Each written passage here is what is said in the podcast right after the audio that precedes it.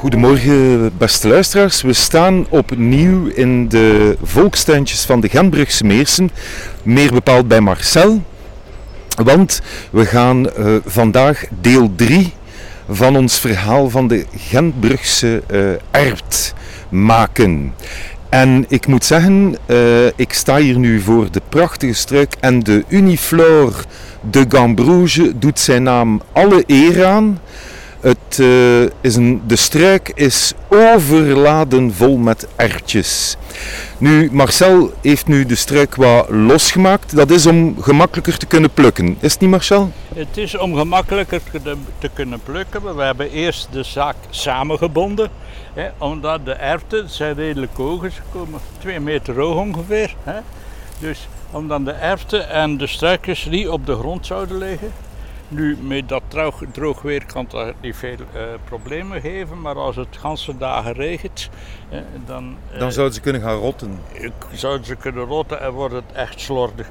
Dus we gaan het een beetje open doen, hm, zodanig dat we zeer gemakkelijk aan al die erwten kunnen. En dan ze dus gemakkelijk kunnen plakken, plukken. Pardon. Nu, je ziet direct, kijk eens hier, ja, dat is enorm, een enorme vrucht. Die heeft al een beetje te veel. Ja, hè? ja, ja. Die, dus als ik die daar af doe, met de nagels liefst, ja, en ik doe die open. Dat is het peulen van de ert. Dat is de peul, de peul verwijderen. Dan zie je daar een aantal kanonkogels in zitten. Och, die reeds een zekere grootte hebben. Kijk eens aan. En die dus, uh, ja, eigenlijk al een beetje te groot zijn. Ja, ja. Nu, voor soep is dat geen probleem. Maar als je dat wilt eten met patatjes en een beetje gehakt ervan, weet ik, dan zijn ze wel al een beetje, beetje te, groot. voor. He, dus... Ja. En Marcel speelt ze nu rauw binnen. Het zijn zoete erwtjes. Zoete erwtjes. Je hebt ook uh, erwtjes die veel minder smaak hebben, maar dat zijn effectief zoete erwtjes, maar een klasse lager dan de suikererwten. Ja, want je hebt ook suikerijpten, dat is voor ons kleine gasten, die plukken dan graag.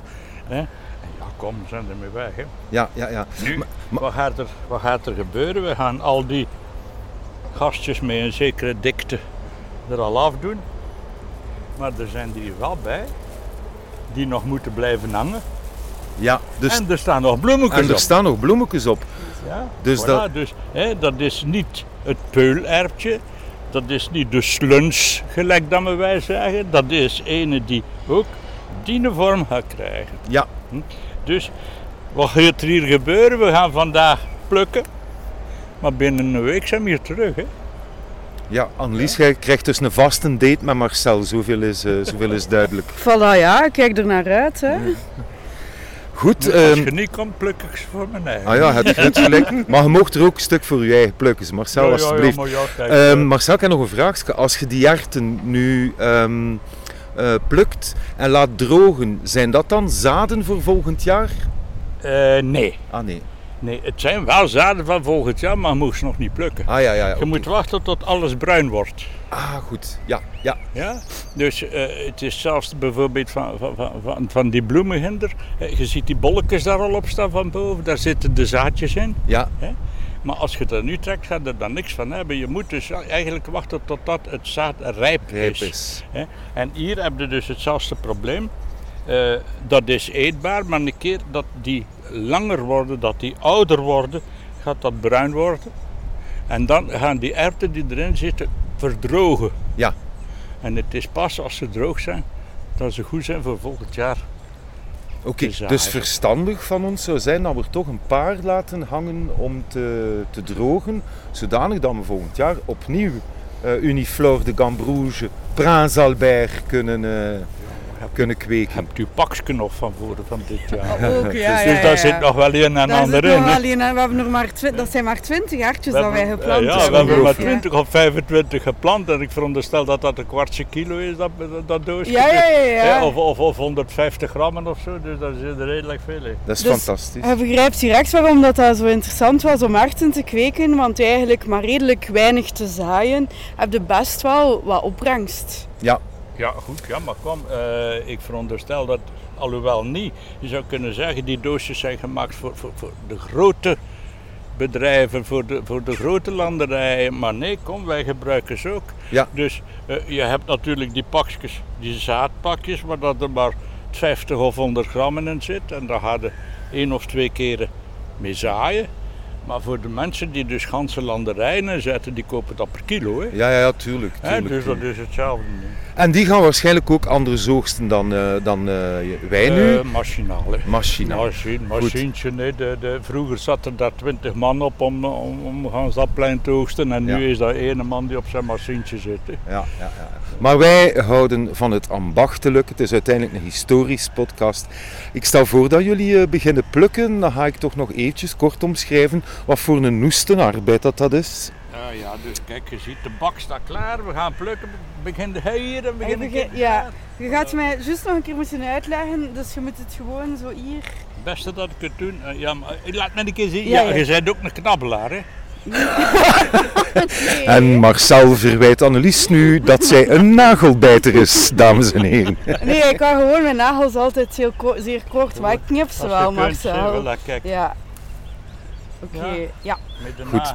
Dus eh Annelies heeft hier zo net een beetje onderricht gekregen van Marcel hoe je de ert gaat gaan oogsten. Het is een, een mooi samenwerkend eh, duo, dames en heren. Dus de ert wordt manueel geplukt. Geen machientje komt eraan te pas. En ik moet zeggen, eh, je ziet hier onmiddellijk zo'n beetje de onervaren en de ervaren plukker. Marcel die heeft al eh, een handvol erwten en Annelies is nog zeer voorzichtig. Maar ik zie nu, dames en heren, dat Annelies toch eh, zeer, hoe zouden ze dat in Gent zeggen, rap van aannemen is.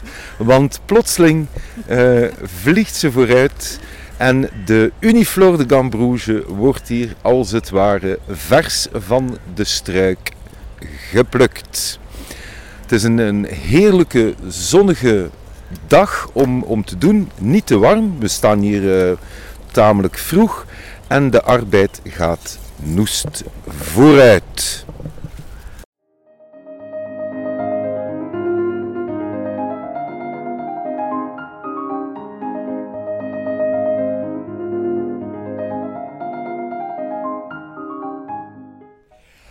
Eh, Annelies, terwijl we naarstig aan het plukken zijn, moeten we het toch even hebben over ehm, ja, ehm, twee belangrijke figuren uit de Genbrugse geschiedenis die alles te maken hebben met planten.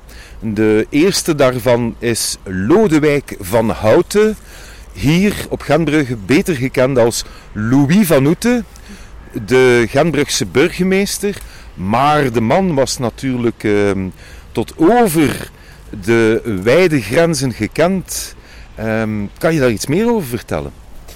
Ja, ja, want het is eigenlijk dankzij gans dat verhaal dat ik op de figuur Louis van Houten ben uitgekomen. Omdat in die eh 19e zadencatalogus wordt er die Genbrugse ert vermeld. En dan ben ik een keer eh, op onderzoek gegaan naar de Genbrugse tuinbouw. En die valt eigenlijk volledig samen met Louis van Oete, gelijk dat ze hier zeggen. En dat was eigenlijk wel een zeer interessante man. Geboren in 1810, deelgenomen aan de Belgische Revolutie. Heeft de hele tijd in Brazilië gewoond en gewerkt. Altijd geïnteresseerd geweest in die planten. En ehm, hij is dan teruggekomen en hij heeft hier een botanisch bedrijf gestart. Samen met Adolphe Papleux. En dat botanisch bedrijf dat was, dat was gelegen echt zo in wat wij nu Oud-Genbrugge noemen. Zijn site dat was aan, aan de Arbed en aan de kerk. En hij is vrij klein begonnen, hè, met anderhalf hectare. Maar hij heeft dat samen met Papleu verder kunnen uitbouwen. En dat was op den duur was al vrij groot. Dat stelde ook vrij veel mensen eh, te werk. Ja, absoluut. Het is dus een, eh, een van de eerste grote bedrijven eigenlijk op Gentbrugge. En eh, uiteindelijk door, ehm, door de bekendheid die zijn, zijn planten, zijn kwekerij kreeg, ook veel meer randactiviteit gedaan. Hij had bijvoorbeeld ook een steendrukkerij, waar hij dus een catalogus eh, liet maken. Hè. De catalogi van Van Oete zijn eigenlijk eh, zeer gekend. Ehm, Ehm, ze zijn bijna niet meer te krijgen. De Koninklijke Maatschappij van de Gentse Floraliën heeft nog de originele exemplaren. Je kunt die gaan inkijken ehm, tijdens de Gentse feesten als de, als de aula open is. Maar ik heb u onderbroken, Annelies. Louis van Oete, Adolf Papeleu. Maak ik hier ondertussen aardjes aan het plukken. Hè? Ja, Dus, ondertussen eh, plukken. En ik zie hier ondertussen dat er een, ehm, een eh, prachtig exemplaar, ik ga het even nemen, een prachtig exemplaar van een slak van onder de planten eh, komt. Maar goed, Maar- Louis van Oete en Adolf Papeleu. Ja, ehm, en als je nu in het Victoria Regia Park rondwandelt, dan zie je eigenlijk nog altijd een aantal afdrukken van zijn afbeeldingen uit, uit zijn tijdschriften. En dat is niet toevallig dat die daar hangen. Is ook niet toevallig dat dat park Victoria Regia Park heet. Ehm, want dat stukje Gentbrugge, dat is eigenlijk een deel geweest van zijn bedrijf. Er zijn een aantal bomen aan, aan de rand van de Kleinburg waarvan dat, ze, dat we denken dat ze er in de tijd van Van Houten in de 19e eeuw al gestaan zouden hebben. En die Victoria Regia, dat was eigenlijk een beetje zijn pronkstuk. Van Houten, die was heel goed in marketing. Die, die kweekte zo van alle speciale dingetjes. En Victoria Regia, dat zijn waterlelies. En hij was de eerste in Europa, op, op het Europese continent, die in een serre die waterlelies heeft kunnen zetten. En natuurlijk zorgde dat ervoor dat mensen dat wouden zien. Dat was ook heel hip in de 19e eeuw, tuinbouw. Gelijk dat al die hipsters nu kamerplanten hebben. Ehm, was dat in de 19e eeuw ja, een schone hobby om aan tuinbouw te doen.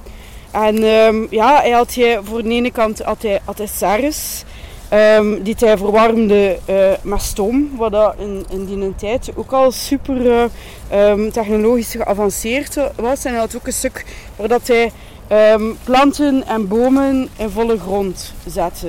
Hij, hij had bijvoorbeeld iets speciaals met peren. Hij had meer dan 431, 431 soorten perenbomen op een bepaald moment. Ehm, maar ik weet een beetje van alles. Hè. Sierteelt ook, azalea's, rhododendrons eh, en peulvruchten gelijk eh aardjes en linzen. Ik kweekte hij alleen voor de, de rijke mensen? Of die peulvruchten en die lenzen, dat kan ik mij inbeelden dat dat ook bij de gewone arbeider zijn, eh, zijn ingang vond. Goh, dat weet ik nu zo niet uit het blote hoofd. Daar zouden een keer gans zijn eh, administratie voor moeten, eh, als die bewaard is, voor moeten nagaan. Maar ja, zeker die sierteelt ehm, was voor ja, mensen met een beetje geld. Dus we kunnen ervan uitgaan dat eh, de vele kasteeltuinen op Gentbrugge wel eh, plantengrief van Van staan hadden. Ja, ja, ja, want die had ook zo de specialetjes en de, en de exotische dingen. Hè. Ehm, als je zo iets uitzonderlijk wou, dan kon je, kon je daar in het bedrijf gaan, ehm, eh, gaan kijken. En omdat hij die speciale soorten had, hè, hij, ehm, hij kweekte zijn eigen eh, ehm, eh, planten om meststoffen en speciale ondergrond te hebben, ehm, had hij natuurlijk ook heel veel ehm, expertise in huis. Dus je gaat zien dat tuinders in Europa aan hun zonen gaan zeggen op een bepaald moment, ga maar even naar Gentbrugge, naar Louis van Houten, zijn bedrijf, en dan kun je daar veel bij leren. Dat was een beetje het lichtend baken van de tuinbouw. Ehm, en hij is op een gegeven moment, eh, rond het midden van de 19e eeuw, ehm, heeft hij zelf een, een tuinbouwschool opgericht. Die nog altijd bestaat, hè? Die nog altijd bestaat, die nu allee, uiteindelijk uitgegroeid is tot, tot de tuinbouwschool school van Melle. En eh, de tuinbouwschool van Melle, waarvan het oudste gedeelte, het kasteeltje eigenlijk, het kasteeltje van Louis van Oeten is. Ah, is dat? Dat wist ik zelfs niet. Ja, ja, ja. Ehm, Louis van Oeten, hij begint zijn eh, tuinbouwschool, hij krijgt daar dus ook leerlingen. En een van die leerlingen, er zullen er waarschijnlijk wel meer geweest zijn, maar een die hier op Gentbrugge zeer gekend eh, is natuurlijk ook, was Frederik Burvenig. Ja, dat klopt. Dat was zo een, een heel pinteren jongen, gewoon uit, allee, een, uit, uit arbeidersgezin. En Van Nutte heeft hem eigenlijk ook wel de kans ge- gekregen om te studeren. Heeft direct potentieel in die, die jonge gast gezien en hem een beetje onder zijn vleugels genomen. Ga ik ondertussen een keer aan Marcel vragen, ben ik er nu aan het missen? Want het is niet altijd e- even evident om te beslissen of dat ze nog aan de struik mogen hangen of dat al geplukt worden. De vraag is alleen, heb je er nu genoeg? Ik heb er genoeg. Om ja, soep ja, te ja, ja, maken. ja. Ik heb er zeker daar gaan we genoeg mee stoppen. Eh, We Als gaan, we eh, genoeg ja. hebben, gaan we ermee stoppen. Eh, Als we, we zijn hier alle dagen, dus als we zien dat er daar echt bij zijn die een beetje eh, overjaars worden, dan gaan we die zelf plukken. Dan gaan we die zelf zo gewoon opeten. En voor de rest, volgende week. Volgende week kom ik nog een keer langs voor de volgende eh, lading. Hè? Volgende week staan er daar weer een en ander op. En ik denk als we volgende week alles aftrekken, dat we er ver zullen mee gedaan hebben. Weet je Marcel, ik ga je zelfs dan een potje soep van uw erwtjes meegeven. Een potje soep volgens eh, een 19e eeuws recept, dus uit de tijd van Van Nutte. eh, ook uit Gent, recept van Codelier, die zijn soepje maakte met erwtjes, worteltjes en asperges. Op Dus zijn hens met kontjes in. Kontjes, ja. Grondjes in. Schitterend. Kijk, eh, voor mensen die zich afvragen wat, eh, wat ik ondertussen stond te doen, ik moet zeggen, eh, is eigenlijk het liefst dat ik doe. Kijken hoe mensen eh noeste handenarbeid eh, verrichten. Ik moet zeggen, dus, we hebben nu één pluk achter de rug en het zijn echt tientallen peulen die we kunnen zien. Ehm, Annelies, ehm, we gaan dan straks nog wel even terugkeren naar, eh, naar Louis van Noeten als dat nodig is. Maar wat ik mij nu afvraag, ehm, je gaat deze nu meenemen naar huis. Eh, maar goed, die kunnen niet zomaar in een ketel gaan zwieren. Nee, nee, die moeten eerst nog allemaal gedopt worden. Dus als ik zie wat dat we hier geoogst hebben, kan ik daar ook nog even zoet mee zijn. Ehm ja, aardjes is een beetje handenarbeid. Hè. Mhm. En daarna dus een heerlijk soepje op basis van een recept van Caudelier. Ja, ja, ja. ah.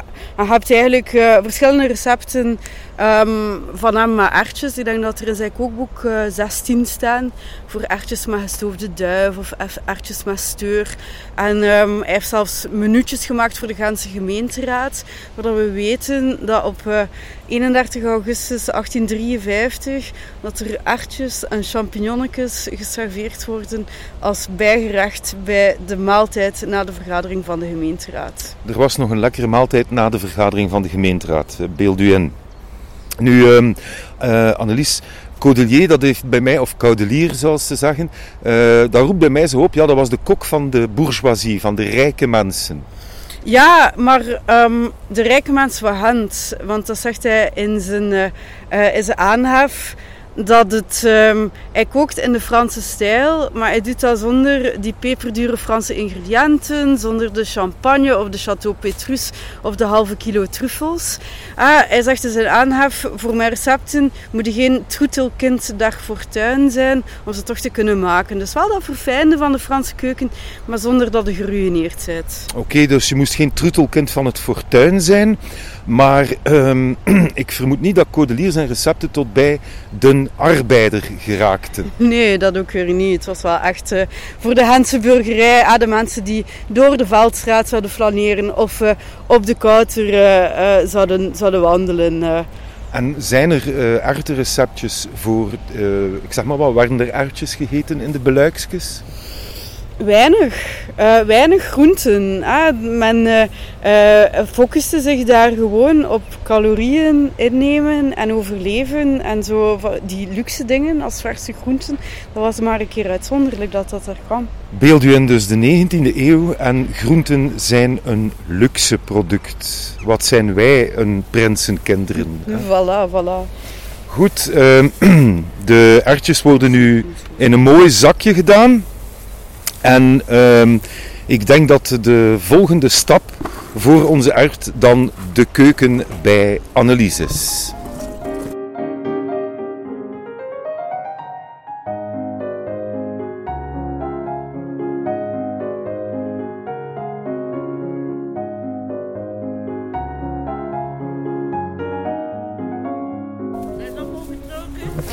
Kijk, Cecile komt de hof op en zij controleert al eventjes of onze twee, Marcel en Annelies, hun werk goed gedaan hebben. Maar eh, dat, is, eh, dat is zeer in orde. Annelies gaat naar huis met een eh, royale oogst. En dit is dan misschien het moment om deze aflevering van de podcast te beëindigen vanuit deze prachtige mooie tuin van Marcel, die niet alleen overladen staat met uh, lekkere groenten, maar ook nog eens een streling is voor het oog met de vele uh, bloemen, waarvan ik er vandaag toch één heel speciale onthoud: de kardoen. Uh, ook alweer een link met Genbrugge, want in het wapenschild van de Cardon de Lichtbuaire stond er een kardoen afgebeeld. Zo, dat was het voor de podcast. Tot de volgende keer.